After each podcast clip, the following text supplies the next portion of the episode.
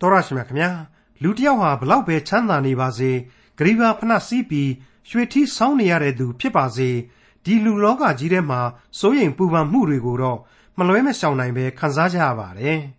လောကီစည်းစိမ်ဥစ္စာဆိုတာမတည်မြဲတဲ့အရာတွေဖြစ်ကြတဲ့အတိုင်းကိုချမ်းသာတဲ့အတိုင်းအတာအတိုင်းရှိနေအောင်ထိမ့်သိမ်းထားနိုင်မှုကြိုးစားရသလိုဒီထက်ပိုပြီးတော့လဲကြီးပွားချမ်းသာအောင်ကြိုးစားကြရပါတယ် ဒီအခါစိုးရင်စိတ်ဆိုတာရှိရစမြဲပဲမဟုတ်ပါလားဒီအခါမှာတော့ငါဟာအဆဆအရာရာကို အသေးချာစဉ်းစားလှုပ်ဆောင်ရမယ်ဆိုတာဖြစ်ပေါ်လာရတဲ့အကြောင်း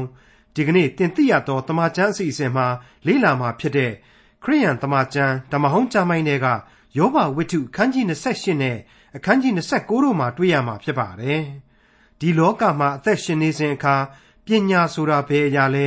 ဉာဏ်ဆိုတာဘယ်အရာလဲဆိုတာကိုလည်းသိရှိကြရမှာဖြစ်တဲ့ ယောဘဝိတ္ထုအခန်းကြီး28နဲ့အခန်းကြီး29တို့ကိုဒေါက်တာထွန်းမြတ်အေးကအခုလိုလေ့လာသုံးသပ်တင်ပြမှာဖြစ်ပါတယ်။လောကရန်ဆင်းရဲခြင်းများဟာလူသားတိုင်းတို့အတွက်ဖြစ်တယ်။ဘယ်လူသားမှပုန်းရှောင်လို့မရနိုင်ဘူး။ထွက်ပြေးလို့မရနိုင်ဘူး။အဲ့ဒီအထဲမှာမှလူဆိုးသို့မဟုတ်အရမလူတို့ဤအဖြစ်ဟာအလွန်ဆိုးတယ်ဆိုပြီးတော့မကောင်းတဲ့လူတွေရဲ့အကြောင်းကိုလက်သီးလက်မောင်းတန်ရင်ပြောနေတဲ့ယောဘရဲ့မြင်ကွင်းကြီးကိုပြီးခဲ့တဲ့အခန်းကြီး28မှာကျွန်တော်တို့တွေ့ကြရပါတယ်။ အမှန်တကယ်တော့လက်ငင်းခံစားနေရတာဟာအဲ့ဒီအရမလူတွေလူဆိုးတွေမဟုတ်ဘူး။ तू ဒါပေမဲ့ तू ကအဲ့ဒီမတရားသောအရမသမားတွေသာခံစားရတယောင်ယောင်ပါရင်ယောင်ပြောခဲ့တာဖြစ်ပါတယ်။တနည်းအားဖြင့်လက်တွေ့သင်ခန်းစာအရာပင်လျင်လူဟာကောင်းသည်ဆိုသည်မရွေဘုရားသခင်ရဲ့အလိုတော်ကြဘဝဟာဖြစ်ပျက်ပြုပြင်ခြင်းခံရစမြဲဆိုတာကိုသူဟာသူမသိခြင်းအကြောင်းကိုသူဝန်ခံလိုက်တဲ့အတူတူပါပဲသူသက်သေပြလိုက်တဲ့အတူတူပါပဲ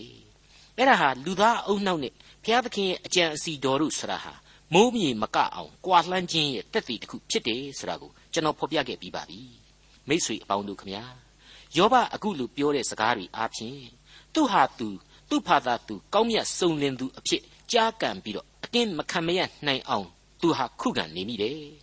ကိုကိုကိုလူကောင်းအဖြစ်သူဟာခုခံကာကွယ်နေမိတယ်နှိမ့်ချခြင်းနဲ့ကြိုးပဲ့ကြေးမွားခြင်းဆိုတဲ့ဘုရားသခင်စီကို တိုးဝင်သူတို့ဆောင်ရန်စိတ်ဓာတ်များကတော့သူ့စီမှာမရှိရှာခဲ့သေးဘူးဆိုတာကိုကျွန်တော်တို့အကဲဖြတ်နိုင်လောက်ပါတယ်။နောင်တနှလုံးသားရဲ့ကျိုးပဲ့ကြေမွသောစိတ်ဓာတ်များတို့ဆိုတာတွေကိုကျွန်တော်တို့ဟာကြားရခဲ့တဲ့စကားတွေအဖြစ်နားသိရင်ကြမယ်လို့ကျွန်တော်မထင်ပါဘူး။အသုံးနှဲပါတဲ့စကားဖြစ်နေလေတော့နှုတ်ကပတ်တော်နဲ့မရင်ပါလှတဲ့မိษွေတို့အဖို့နားမစွဲနိုင်မနဲ့တမျိုးတပါသာဖြစ်နေမှာကိုကျွန်တော်တွေးမိပါတယ်။မယောင်ရာစီလူဆိုတာမျိုးကျွန်တော်ကပြောနေသလားလို့တွေးကြမှာစိုးရင်တဲ့အတွေ့ ကျွန်တော်ရှင်းပြခဲ့တာကိုလည်းမိษွေတို့မမိစေချင်ပါဘူးကယ်တင်ရှင်သခင်ခရစ်တော်ကိုလက်ခံယုံကြည်ခြင်းအသစ်သောဝိညာဉ်ပြောင်းလဲခြင်းဆိုတဲ့ကိုးကွယ်မှုမှာအရင်ကလိုအပ်ချက်တွေနဲ့သာပြည့်ဝပြီးကိုက်ညီပြီးမှန်ရင်ရင်တွင်းစိတ်မှာရှိသမျှလူဗီဇကိုခွာချပြီးတော့နောင်တဆိုတာဟာရှိကိုရှိရလိမ့်မယ်ကျိုးပဲ့ကြည်မွားသောနှိမ့်ချခြင်းစိတ်ဓာတ်ဆိုတာဟာရှိမြဲပဲဖြစ်တယ်ဆိုတာကိုကျွန်တော်သိသိချာရှင်းနိုင်ခဲ့ပြီလို့ကျွန်တော်ကိုယ့်ကိုယ်ကိုယုံကြည်မိပါတယ် တနည်းအားဖြင့်ဆိုရင်တော့ခရစ်တော်ကိုယုံကြည်ခြင်းဆိုတာဟာကိုဆိုတဲ့လူသားအနေနဲ့လောကမှာဘာဆိုဘာမှကိုစွန်းကိုစားနဲ့မတတ်နိုင်ဘူးကိုဘဝနောင်ကြီးအတွက်ကိုကိုကိုမဆယ်နိုင်ဘူးမကယ်နိုင်ဘူးဆိုတဲ့အသိကနေသာလျှင်ဒီယုံကြည်ခြင်းကိုတိဆောက်ယူရတဲ့သဘောပါပဲဒီကနေ့ဖို့မှာတော့ယောဘရဲ့နှုတ်ကထွက်ပေါ်လာမယ့်ထမှန်ဆန်းသစ်သောလင်္ကာများကိုကျွန်တော်ခန်းစားထိတွေ့ရမှာဖြစ်ပါတယ်ယောဘဝတ္ထုအခန်းကြီး28အငယ်1မှ7 ငွေလိုက်သောငွေချောင်းသည်စင်စစ်ရှိ၏လူစစ်တတ်သောရွှေနေရာလည်းရှိ၏တန်ကိုမြေကြီးထဲကတူးယူတတ်၏ကြောက်ကိုချက်၍ကျင်းဤကိုရတတ်၏လူသည်မှောင်မိုက်ကိုပျောက်စေတတ်၏အဆုံးတိုင်အောင်၎င်းမှောင်မိုက်ကြောက်သေမင်းအရေးတိုင်အောင်၎င်းလိုက်၍စစ်တတ်၏တောင်ချေရင်း၌တွင်တူး၍ခြေဖြင့်ကိုကိုမထောက်ဖဲဆင်း၍လူနေရာကိုစွန့်သွားတတ်၏မြေသည်စားစရာကိုပေးတတ်တော်လဲအောက်အရ၌မီးဖြင့်ပြက်တဲ့ကဲ့သို့အပြက်ခံရ၏ သူ၏ကြောက်တို့သည်ကြောက်နီနေရာဖြစ်၏မြေမှုန်လဲရွှေဖြစ်၏အဘယ်ငှက်မျှမသိလင်းဒမျက်စိလည်းမမြင်သေးသောလမ်းရှိ၏ထိုလမ်းကိုသားရဲမနှင်းရှင်သိမ့်မလျှောက်သေးလူသည်ကြောက်ပေါ်မှလက်တင်၍တောင်တို့ကိုခြေရင်းတိုင်အောင်မှောက်တတ်၏ကြောက်တို့တွင်ရေစီးစေတတ်၏သူ၏မျက်စိသည်ထူးဆန်းသောအရာရှိသမျှတို့ကိုကြည့်မြင်တတ်၏စီးသောရေကိုတဖန်ဖြတ်၍ဝှက်ထားသောအရာတို့ကိုထုတ်ဖော်တတ်၏မူရင်းဟေဘရုသို့မဟုတ်ဟေဘရဲဘာသာ သို့မဟုတ်ရှေးဣသရေလစာပေမှာဒီအဖွဲအနှဲ့တွေဟာအလွန်တရာလှပတဲ့ကြပြစာပေတွေဖြစ်ခဲ့ပါတယ်။ကမ္ဘာသမိုင်းရဲ့အဟောင်းဆုံးဖြစ်တယ်လို့လင်္ကာဂုံပုတ်အရာအကောင်းဆုံးကြပြာစာပေတွေလည်းဖြစ်ပါတယ်ဘုရားသခင်ဟာမြေကြီးပြင်ကိုသမုတ်တရားရဲ့မာနကိုချိုးဖျက်ပြီးတော့တည်ပေးခဲ့တယ်အဲ့ဒီမြေကြီးဟာလိုတဖူလုံလူသားတို့ဘုံကိုမယုံနိုင်လောက်အောင်ဖြည့်ဆည်းကျွေးမွေးပြုစုပေးတယ်ဆိုတာကိုယောဘဆက်လက်ဖော်ပြနေပါတယ်ဟုတ်ပါတယ် အဲ့ဒီမြေကြီးအောက်မှာအင်မတန်များပြားတဲ့သယံဇာတတွေဟာလူသားတို့အဖို့ရှိထားပါတယ်အဲ့ဒါတွေကိုလူသားတွေကနေထုတ်ဖော်သုံးစွဲနေခွင့်လည်းရှိနေပါတယ်အဲ့ဒီလိုပါပဲအဲ့ဒီလိုလူတွေသိတဲ့အရာတွေတူးဖော်လို့ရတဲ့အရာတွေရှိသလိုမသိနားမလဲတဲ့အရာတွေလည်းရှိနေသေးတယ်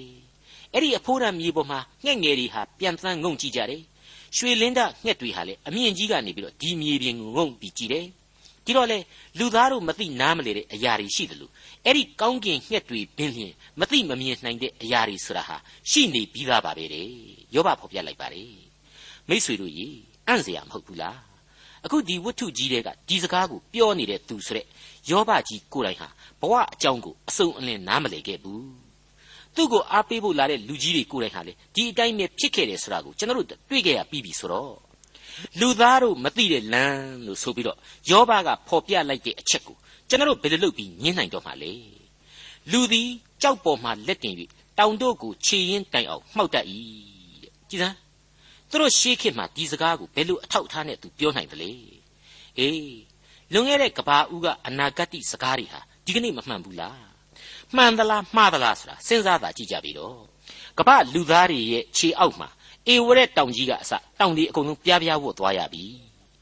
ကြောက်ဆောင်ကြီးတွေပေါ်မှာလေဟယ်လီကော်ပတာတွေနဲ့သွားပြီးတော့ပျော်ပွဲစားထွက်နေကြပြီဟိုတယ်မိုတယ်ကြီးတွေစောင့်နေကြပြီယောဘဝတ္ထုအခန်းကြီး28အငယ်7မှ19တို့ရာတွင်ပညာဉာဏ်ကိုအဘယ်မှတွေ့ရလိမ့်မည်နည်းဉာဏ်သည်လည်းအဘယ်အရ၌နေသနည်းဉာဏ်ပညာအဖို့ကိုလူမသိနိုင်အသက်ရှင်သောသူတို့၏နေရာ၌ရှာ၍မတွေ့နိုင်နည်းနည်းသောအရက်ကငါ၌မရှိ ပင်လေကလည်းငါ၌မရှိဟုဆိုရ၏ရွှေစင်ကိုပေး၍ပညာကိုမရငွေကိုချိန်၍ပညာအဖိုးကိုမမိနိုင်အောဖိယရွှေမြတ်သောရှဟန်ကြောက်နီလာကြောက်နှင့်ဝယ်တော်လည်းမရနိုင်ရွှေဖြစ်စီကြောက်တလင်းဖြစ်စီမမိနိုင်ရွှေစင်တစားများနှင့်ဖယ်လှယ်၍မရနိုင်တန်တာနှင့်ပလဲကိုပြောเสียမရှိပညာသည်ပဒမြတဲ့သာ၍အဖိုးကြီး၏ကုရှဥတ္တဖျားသည်မမိနိုင်အမျက်ဆုံးသောရွှေနှင့်ဝယ်၍မရနိုင် အကျွင်းမဲ့ဉာဏ်ပညာရှိခြင်းဆိုတာကိုအယံမပြောပါနဲ့လေအသက်ရှင်နေတဲ့လူသားတွေရဲ့သိပ္ပံလောကကြီးမှာဘယ်တော့မှအကျွင်းမဲ့ဉာဏ်ပညာပြည့်စုံခြင်းဆိုတာမရှိပါဘူးတဲ့ဘလောက်ကောင်းတယ်လေအဲ့ဒီလိုလူသားတို့ရေမင်းတို့သိတာဟာမစုံလင်သေးဘူးဆိုတာကိုနည်းနည်းရအရက်လို့တင်စားထားတဲ့အထက်ကောင်းကင်အရက်ရေမြေကြီးအောက်ကအနက်ဆိုင်ဆုံးအရက်ရေပင်လေသမုတ်တရားကျမ်းပြင်တို့ရေဟာတဏီကြီးပြောနေတယ်ဆိုပါလားအဲ့ဒီလိုယောဘပြောတာကိုမယုံရင် အခုကပ္ပထိတ်တန်းသိပ္ပံပညာရှင်ကြီးတွေကိုသာတွားပြီးတော့မေးကြည့်ကြပြီတော့အကုန်လုံးခေါင်းကလေးတွေတစ်ဆက်ဆက်ညှိမ့်ပြီးပြကြရပါလိမ့်မယ်ဟုတ်ပါတယ်နောက်ထပ်တဏှာကြီးမှာဘာဖြစ်မယ်ဆိုတာကိုတောင်မသိနိုင်တဲ့လူပြစ္ဆကအခြေအနေမှန်ကိုလည်းအကျွင့်မဲ့မသိနိုင်အဲ့ဒီအထက်မှာမှအနန္တကာလကဖန်ဆင်းတော်မူခြင်းပြုပြင်တော်မူခြင်းဆိုတာတွေကြတော့ဝေလာဝေးပေါ့ဘယ်နည်းနဲ့မှနားမလည်နိုင်မှာဟာအဖေချပါပဲယောဘဝတ္ထုအခန်းကြီး28အငယ်20မှ28အဆုံးအထိ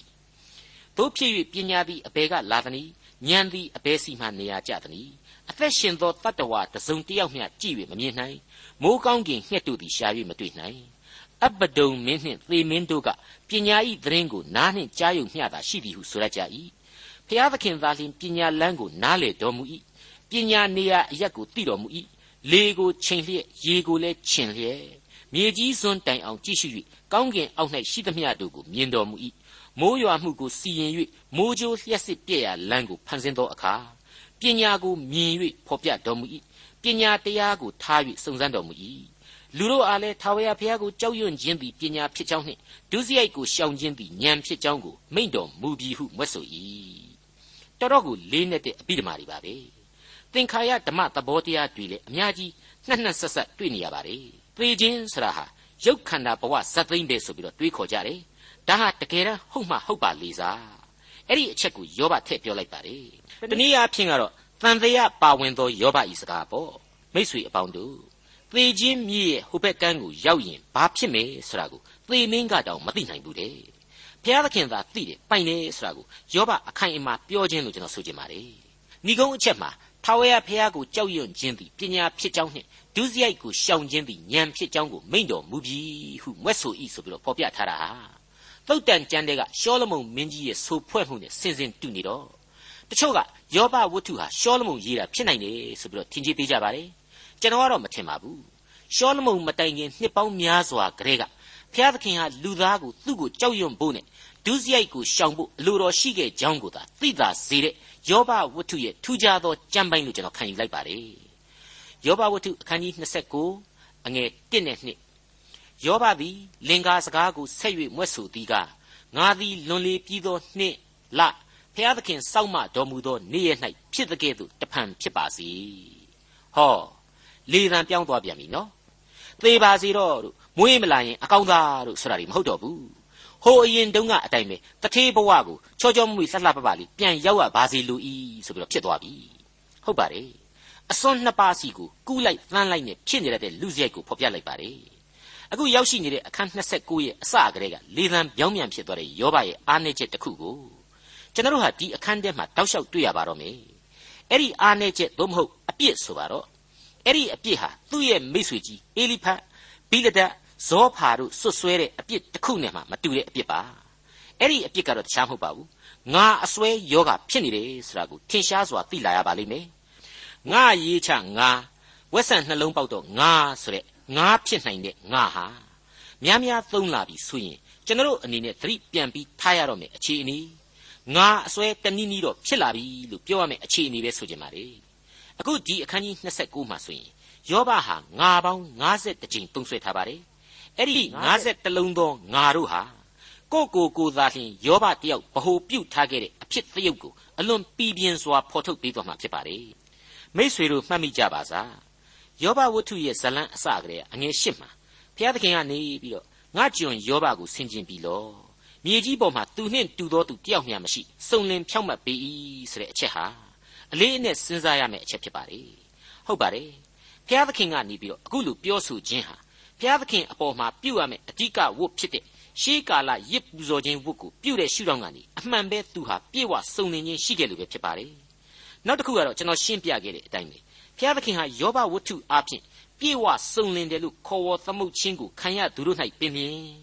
ဘုရားသခင်အလိုတော်ပေါင်းအတွင်းမှဘုရားသခင်အပြစ်ပေးစီရင်ခြင်းဆိုတာကိုလွတ်ကင်းအောင်မရှောင်သာဘူးဆိုတဲ့အချက်ကို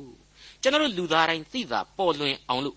ဘုရားသခင်ကိုယ်တိုင်ဟာအခုလိုသတ်မှတ်ပေးလိုက်ခြင်းဖြစ်တယ်ဆိုတာကိုလေကျွန်တော်အထက်ထပ်ဖော်ပြဖွင့်ဆိုခဲ့ပြီးဖြစ်ပါတယ်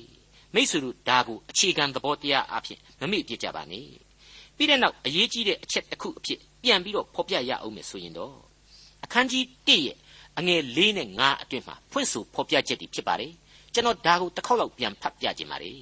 အရေးကြီးလို့ပါယောဘဤသားတို့သည်နှစ်စဉ်အတိုင်းအသီးအသီးဖွာသောနေ့သို့ရောက်လျင်မိမိတို့အိမ်၌ပွဲခံသဖြင့်နှမသုံးယောက်ကိုလည်းခေါ်၍အတူစားသောက်လေရှိ၏ပွဲခံသောနေ့ရဲ့လွန်သောအခါယောဘသည်သူတို့ကိုခေါ်၍တန့်ရှင်းစေပြီးလျှင်နန်းနဲ့စောစောထ၍သူတို့အရေးအတွက်အတိုင်း မိရှို့သောရစ်ကိုပူဇော်လေးရှိ၏အကြောင်းမူကားငါသားတို့သည်မှားယွင်း၍စိတ်နှလုံးထဲ၌ဘုရားသခင်ကိုစွန့်ပယ်ကြပြီလောဟုယောဘအောက်မေ့၏ထို့သောယောဘသည်အစဉ်အမြဲပြု၏အဲ့ဒီလိုတွေ့ကြရပါတယ်တဦးတယောက်ချင်းနဲ့ဆိုင်တဲ့ရစ်ပူဇော်ခြင်းကိုမိသားစုရဲ့ခေါင်းဆောင်ဖခင်ကြီးဟာဒိုင်ခံဆောင်ရွက်ပေးရတော့သားခုနှစ်ယောက်အတွက်ခုနှစ်ဆသောကောင်းမှုခုနှစ်ဆသောရစ်ပူဇော်ခြင်းကိုလုပ်ပေးခဲ့တဲ့အထိ ယောဘဟာတာဝန်ကျေခဲ့တယ်ဆိုတာကိုရှင်းနေပါလေရှင်းနေအောင်တွေ့ရပါတယ်ဒါပေမဲ့အဲ့ဒီလိုရစ်ပူဇော်ရာမှာသူ့အတွက်သူပူဇော်တယ်ဆိုတာကိုကျွန်တော်တို့အရှင်းမတွေ့ရပါဘူးဒီအချက်ဟာယောဘအနေနဲ့သူဟာကိုကိုကိုကောင်းမှုများခုနှစ်ဆပြုလုပ်ပြီးပြီဖြစ်လို့ကိုယ့်အတွက်ကိုလှုပ်เสียမလိုတော့ဘူးပြည့်စုံလုံလောက်ပြီဆိုပြီးတော့ခံယူလိုက်တဲ့လက္ခဏာအဖြစ်ကျွန်တော်သုံးသပ်မိပါတယ်ဒါဟာအခုယောဘဝတ္ထုအခန်းကြီး29အပိုင်းအခြားအရောက်မှာသူ့ရဲ့ငါအစွဲနဲ့ဆက်ဆက်တွေးခေါ်ရမယ်အချက် အလွန်အရေးကြီးတဲ့အချက်တစ်ခုအဖြစ်ပူးတွဲစဉ်းစားတိုက်လာပြီလို့ကျွန်တော်တူးချင်းယူဆမိပါတယ်အခုအချိန်မှဆိုရင်တစ်ချိန်လုံးသိခြင်းပါတယ်မွေးမလာရင်ပိုတောင်ကောင်းမယ်ဆိုတဲ့ဒုက္ခိတကြီးယောဘဟာဘုရားသခင်ကောင်းကြီးပေးခဲ့တဲ့အချိန်ကာလအတိုင်းပဲပြန်ပြီးတော့စင်လုံးကြော်ကြီးဘဝမလိုင်ပေါ်ကအစီဦးဘဝကိုပြန်လဲတန်းတမိလာပြန်ပြီဆက်ကြပါစို့အငယ်၃ထိုအခါဘုရားသခင်ဤမိကွက်သည်ငါကောင်းပေါ်မှထွန်းလင်းသည်ဖြစ်၍ထိုအလင်းကိုငါအမိပြုလျက် မိုက်သောအရ၌ရှောက်သွားနိုင်၏တန်တရားရှိเสียအကြောင်းဘာမှမရှိပါဘူး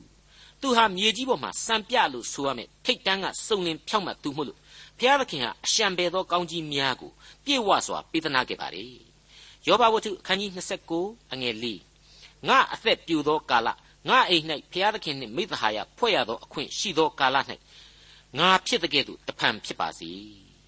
အိမ်မက်ဆန်သောတောင့်တခြင်းများလို့မဆိုနိုင်ဘူးလား အလွန်ကောင်းစားခဲ့ရတဲ့အတိတ်ကာလနေ့ရက်တီကိုသူ့စိတ်ဟာပြန်ပြီးတော့လဲသွားတယ်ပြန်လဲအောက်မေ့တန်တမိတယ်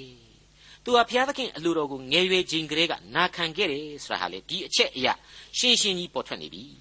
အဲ့ဒီလိုဘုရားသခင်နဲ့အစဉ်တည်သောသူပြီးပြီးခံစားရကောင်းကြီးတွေဟာမနှဲလှတာကိုကြည့်ပါယောဘဝတ္ထုအခန်းကြီး29အငယ်9မှ17ထိုအခါအနန္တတကုရှင်သည်ငါတစ်ဖက်၌ရှိတော်မူ၏ ငါသားသမီးတို့သည်လည်းငါကိုဝိုင်းလျက်နေကြ၏ထိုအခါငါသွားသောလမ်း၌နှုတ်ရည်စီးလေ၏ကြောက်ခဲသည်လည်းငါအဖို့စီကိုသွန်းလောင်းလေ၏ငါသည်မြို့အလယ်၌ရှောက်၍မြို့တကားသို့သွားလျက်လမ်း၌ထိုင်ရာကိုပြင်ဆင်လျက်နေစဉ်တွင်လူပြိုတို့သည်ငါကိုမြင်သဖြင့်ပုန်းရှောင်၍နေကြ၏အသက်ကြီးသူတို့သည်လည်းထ၍မတ်တက်နေကြ၏မင်းသားတို့သည်စကားမပြောဘဲနေ၍မိမိတို့နှုတ်ကိုလက်နှင့်ပိတ်ကြ၏မူးမတ်တို့သည်လည်းတိတ်ဆိတ်စွာနေ၍ သူတို့ရှာသည်အာကောင်၌ကပ်လေ၏လူတို့သည်ငါစကားသံကိုကြားသောအခါကောင်းကြီးပေးကြ၏ငါကိုမြင်သောအခါချီးမွမ်းကြ၏စုံလင်ဖြောက်မှတ်တယ်အဲ့ဒီအခါမှာတငါတဲ့ငါနိုင်လောက်တဲ့အဆင့်ကိုသူရောက်ခဲ့ရတယ်တထေးကြီးယောဘလာပါပြီခမညာဆိုတာနဲ့မင်းသားတွေတို့မူးမတ်တွေတို့လို့အဆင့်မြင့်တဲ့ပုံကိုယ်တွေရတော့မှကြပြာကြရာရက်ပြီးတော့နှုတ်ဆက်ရတဲ့အဆင့်အထိရှိခဲ့တယ်တမျိုးလုံးသူမို့လို့လာပြီဆိုရင်မိကိုရေနဲ့တတ်လိုက်တယ်လို့ရှဲကနေငြိမ်သွားရတဲ့အဆင့်ဘ လောက်ကြည့်တကူထွားခဲ့မယ်ထင်တယ်လေလိုလေသေးမရှိတဲ့ဘီလီယံနာကြီးပေါ့လူပြိုတို့ကလည်းသူ့ကိုမြင်ပုန်းရှောင်သွားကြတယ်ဆိုပါလားအတိတ်ပဲကတော့ပါလေလူကြီးလူငယ်မရွေးလေးစားတယ်ဆိုတဲ့အတိတ်ပဲပေါ့ကျွန်တော်အခုခေတ်နဲ့ရှင်ကြည့်လေကျွန်တော်ညအချိန်မတော်လမ်းတွေပါရှောက်ချင်နေပါညာဆိုရင်လူငယ်တွေဝိုင်းနေနာကိုအယမ်းမသွားရဘူးဂီတာဝိုင်းနေရှိတယ်အရက်သမားဝိုင်းနေရှိတတ်တယ်လမ်းသေးရဲတွေလည်းဖြစ်ချင်းဖြစ်တတ်တယ်လူကြီးတွေကလူငယ်တွေကိုအယမ်းမပေါင်းရဘူး ယောဘကတော့အဲ့လိုမဟုတ်ဘူးလေလူငယ်တွေကို तू ကဘာမှကြောက်စရာမလိုတဲ့အပြင်လူငယ်တွေက तू လာတာနဲ့အကုန်လုံးပုံနေကြရတယ်ဆိုပါလားဒါတနည်းအားဖြင့်သူ့ရဲ့ဘုံတကူကိုပြတာပေါ့လိုလေသေးအရှင်းမရှိတဲ့ဘီလီယံနာဆိုတာတကယ်ဘီလီယံနာအစ်စ်ပဲယောဘကမှအဲ့ဒီလိုပြောနိုင်တာလက်ညှိုးညွှန်ရမှာရွှေဆိုရွှေရေဆိုရေဖြစ်ခဲ့တဲ့လူကြီးဆိုတာရှင်းနေပါလေအဲ့ဒီလိုစုံလင်ဖြောက်မှတ်ခြင်းချမ်းသာကြွယ်ဝခြင်း တကိုကြီးမားခြင်းတွေနဲ့အတူငါပေါင်းများစွာတို့ဟာသူ့စကားထဲမှာလှိုင်းလှိုင်းဝေးနေအောင်ပါလာပါတယ်သူ့အတွက်ကတော့ငါဆိုတဲ့ကြပြာကလေးကိုကျွန်တော်ဆက်ဆူပေးခြင်းပါလေငါရဲ့ကိုရဲ့ကျွန်ုပ်ရဲ့ထမင်းဝိုင်းမှာထိုင်ခဲ့တယ်အလေကောင်ကကြက်သားကြော်ငါအတွက်ပါနော်အဖော်သဟဲကိုရှိတဲ့ဝက်သားငါအတွက်လက်ကြံရှိသမျှစိတ်မချကျွန်ုပ်ရှင်းမယ်ဗျာကဲမိတ်ဆွေတော်တတ်ရှင်အပေါင်းတို့ဘယ်နဲ့ရှိစား သူ့ခင်မှာတော့သူကြီးပဲဆိုရလောက်အောင်ယောဘတယောက်စင်မော်ကလူပေါ့ဘသူမှဂယူးဆိုင်เสียမလိုခဲ့ဘူးဘသူမှလည်းကြောက်เสียမလိုခဲ့ဘူးဆိုတဲ့အခြေအနေမှာရှိခဲ့တာဘူးသူကိုယ်တိုင်ရဲ့စကားတွေဟာရှင်းရှင်းကြီးဖော်ပြနေပါတယ်အဲ့ဒီလိုငါနဲ့ငါသာဆိုတဲ့တိမ်ညွန့်ဘောကလူသားဘဝကိုရောက်ရတာဟာလေသူ့ရဲ့အကြောင်းနဲ့သူရှိတာကိုအခုဆက်ပြီးကြည့်ကြပါယောဘဝတ္ထုအခန်းကြီး29အငယ်7မှ18အကြောင်းမူကားငါသည်ဆင်းရဲသောသူမိဘမရှိသောသူ ကိုးကွယ်ရာမရသောသူအော်ဟစ်သောအခါကဲ့တင်တတ်၏ပြက်လူသောသူကောင်းကြီးပေးခြင်းကိုငါခံရ၏မုတ်ဆိုးမှစိတ်နှလုံးကိုရှင်လန်းစေ၏ဖြောင့်မတ်ခြင်းပါရမီကိုအဝတ်လုပ်၍ငါဝတ်ဆင်၏တရားသည်လည်းငါဝတ်လုံးငါဘောင်းဖြစ်၏မျက်စိကန်းသောသူတို့အားငါသည်မျက်စိဖြစ်၏ခြေဆွံ့သောသူတို့အားခြေဖြစ်၏ဆင်းရဲသောသူတို့၏အဖဖြစ်၏အသည့်အကျွမ်းမရှိသောသူတို့၏အမှုကိုငါနားထောင်၏မတရားသောသူ၏အဆွေတို့ကိုငါချိုး၍ သူလူယူကိုက်စားသောအရာကိုနှုတ်၏ငါသည်ကိုယ်အဖိုက်၌သေရသောအခွင့်ရှိလိမ့်မည်ငါအသက်ရှင်သောနေ့ရက်တို့သည်သဲလုံးနှင့်အမျှများပြားလိမ့်မည်ဟုအောက်မေ့၏တွေ့ပြီနော်ကောင်းမှုကုသိုလ်တွေအကြီးအကျယ်လုပ်တယ်ဒါကြောင့်မလို့တိမ်ညွန့်ကိုခုစားရတဲ့လူရှင်ဘရင်ပစိုးပိုးကြီးပဲဆိုတဲ့လူကြီးဖြစ်ခဲ့တယ်အဲ့ဒီမှာတင်ငါတော့ဘာမှစိုးရင်စရာမရှိတော့ဘူးသမုတ်တရားသဲလုံးများကိုမရေမတွက်နိုင်တယ်လို့အသက်လဲရှည်မယ် သေလို့ရှိရင်လေအလွန်သိမ်မွေ့ညင်သာစွာနဲ့ဝိညာဉ်လိပ်ပြလေးဟာဝေဝဲပြန်ထွက်သွားတယ်လို့ကိုယ့်ရဲ့စည်းစိမ်ချမ်းသာရာမြေကနေပြီးတော့ငါအသက်ပြောက်သွားရလိမ့်မယ်ညင်ညင်သာသာလေးဖြစ်ခဲ့လိမ့်မယ်လို့အပြတ်ထင်ခဲ့ရှာတယ်တဲ့ယောဘဝတ္ထုအခန်းကြီး29အငယ်16မှ25အဆုံးအထိငါအမြင့်သည်ရေနားမှပြန့်ပွား၏စီးနှင်းသည်တညလုံးငါအခက်အလက်၌ကြာ၏ငါဘုံသည်အစဉ်ပွင့်လန်းလျက်ငါလေးသည်လည်းငါလက်၌အားဖြစ်လျက်ရှိ၏သူတစ်ပါးတို့သည်ငါစကားကိုနားထောင်၍ ငါပေးသောအကြံကိုငန့်လင့်လျက်တိတ်ဆိတ်စွာနေကြ၏ငါပြောပြီးသည်ကိုနောက်သူတို့သည်ပြန်၍မပြောငါစကားသည်သူတို့အပေါ်မှာရေစက်ကဲ့သို့ကြ၏မိုးရေကိုငန့်လင့်တကဲ့သို့ငါကိုငန့်လင့်လျက်နောက်ကျသောမိုးရေကိုခံကျင်တကဲ့သို့သူတို့သည်ပါဇက်ကိုကြဲကြဲဖွင့်လျက်နေကြ၏ငါသည်ပြုံးလျက်သူတို့ကိုကြည့်ရှုသောအခါသူတို့သည်မယုံနိုင်ကြငါမျက်နှာ၏အလင်းကိုလည်းမပြောက်စေကြငါသည်သူတို့လမ်းကိုပဲ့ပြင်၍အမျက်ဆုံးသောနေရာ၌ထိုင်၏ ဘိုးကြီးအလုံးရင်းနှင့်တကွရှင်ဘရင်ကဲ့သို့၎င်းညှိုးငယ်သောသူတို့ကိုနှစ်သိမ့်စေသောသူကဲ့သို့၎င်းငါဖြစ်၏မိษွေတို့တော့မပြောတတ်ဘူးကျွန်တော်တော့ဒီအပိုင်းတွေဖတ်ရင်းနဲ့ကိုပါရောရောင်ပြီးတော့ယောဘကြီးပွားတော့ကကိုယ်တိုင်လည်းကြီးပွားခဲ့တယ်လို့လို့ပါလို့တော့တွေးမိပြီးကြည်နူးနေမိတယ်နောက်မှယောဘလက်ငင်းဘာတွေဒုက္ခရောက်နေတာကိုပြန်သတိရပြီးတော့ဒူးချောင်သွားရတယ်ဟုတ်ပါတယ်ဖျားသခင်ပေးရင်ရကိုရတယ် ပြန်နှုတ်တော့လေပြုတ်ပြုတ်ပြုတ်ပြုတ်နဲ့စာကလေးများအမွေးနှုတ်တယ်လို့ပြောင်းသွားရစမြဲပဲဖြစ်ပါတယ်ယောဘကိုယ်တိုင်ပဲအခန်းကြီး2အငယ်30မှာဆိုခဲ့တဲ့အချက်အခိုင်အမာရှိနေတယ်လीအဘယ်သို့နည်းငါတို့သည်ဖျားသခင်ဤလက်တော်မှဒုက္ခချမ်းသာကိုခံယူသည်ဖြစ်၍ဒုက္ခဆင်းရဲကိုမခံမယူသလောတဲ့ဘလောက်ကောင်းမြတ်တဲ့ကြီးညာချက်လေဒါပေမဲ့နော်လူဆိုတာဟာအမြဲပြောင်းလဲနေတယ်စိတ်ဝိညာဉ်တတ္တိကလည်းအတိုးအဆုပ်ရှိတယ်ဆိုတာကိုသူကိုယ်တိုင်ပဲတစ်ခါပြန်ပြီးတော့တက်သိပြခဲ့တာရှိပါတယ်ငါသိခြင်းပြီတဲ့ ငါဘာဖြစ်လို့မွေးလာရတာလဲသေပဲမသေနိုင်တော့ဘူးတဲ့အဲ့ဒီအသံတွေကိုလေကျေးဇူးတော်ချီးမွမ်းတော်သူ့ပါဇက်ကဘင်းလျင်ထက်ခဲ့တယ်ဆိုတာကျွန်တော်တို့မေ့လို့မရပါဘူးတစ်ချိန်တည်းမှာအခုလို့သေမတက်စိတ်ဆင်းရတာမချိမဆန့်လောကရန်တွေကိုသူခံစားရမယ်ဆိုတာတွေဟာရောသူကြိုပြီးတော့မကြောက်ခဲ့ဘူးလေလား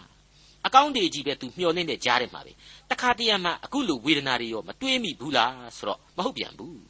ကိုယ့်ဖာသာကိုလုံလှပြီးထင်တဲ့ကြားတွေကပဲမလုံမချုံကလေးတွေဖြစ်ခဲ့ဘူးတဲ့ဆိုတာကိုအခန်းကြီး3ဏီကုံပိုင်းကျမ်းတွေမှာကျွန်တော်တို့တွေ့ကြရပြီးသားပါ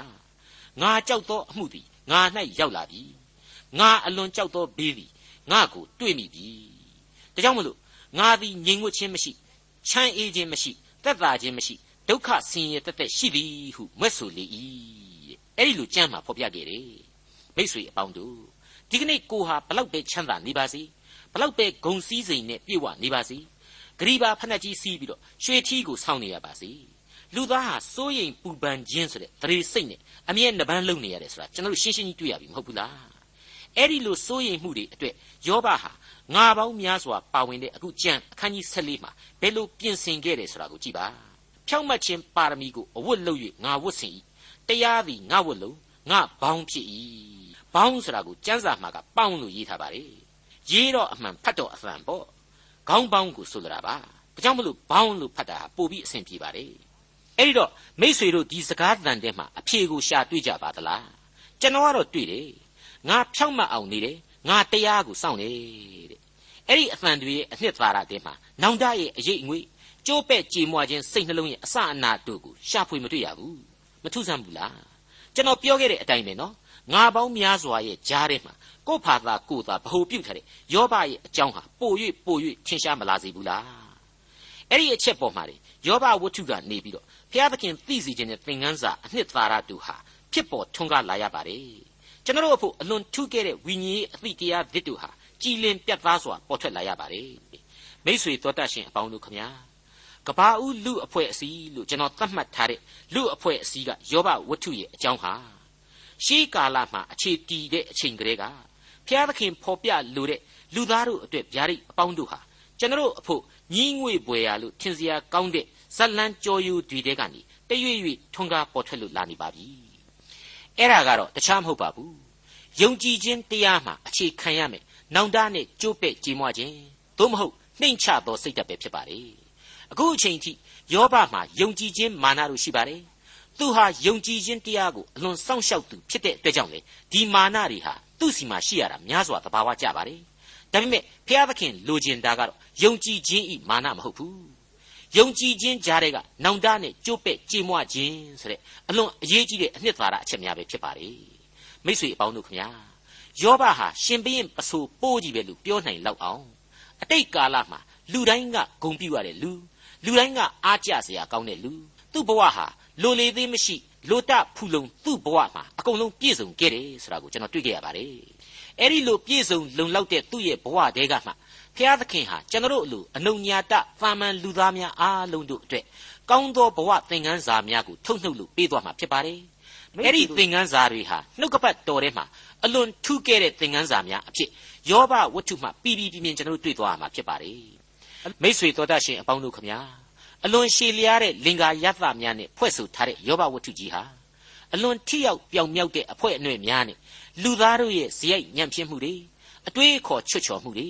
မပြည့်စုံမလုံလောက်ခြင်းတွေအကြောင်းကိုဖော်ပြခဲ့ပြီးဖြစ်ပါတယ်ဆက်လက်ဖော်ပြဖို့ရန်လည်းရှေ့မှာစောင့်ကြိုနေပါတယ်တန်ရှင်းသောဝိညာဉ်တော်ရဲ့လမ်းပြခြင်းကိုခံယူစိတ်နှလုံးများကိုအသင့်ပြင်ဆင်ပြီးတော့စောင့်မျှော်နားဆွင့်ဖို့ရန်အတွက်ဖိတ်ခေါ်လိုက်ပါရစေ ဒေါက်တာထွန်းမြတ်ရေးစီစဉ်တင်ဆက်တဲ့တင်ပြရသောတမချန်းအစီအစဉ်ဖြစ်ပါတယ်နောက်တစ်ချိန်အစီအစဉ်မှာခရိယန်တမချန်းဓမ္မဟောင်းကျမ်းပိုင်းတွေကယောဘဝိတ္ထုအခန်းကြီး30နဲ့အခန်းကြီး31တို့ကိုလေ့လာမှဖြစ်တဲ့အတွက်စောင့်မျှော်နားဆင်နိုင်ပါတယ်။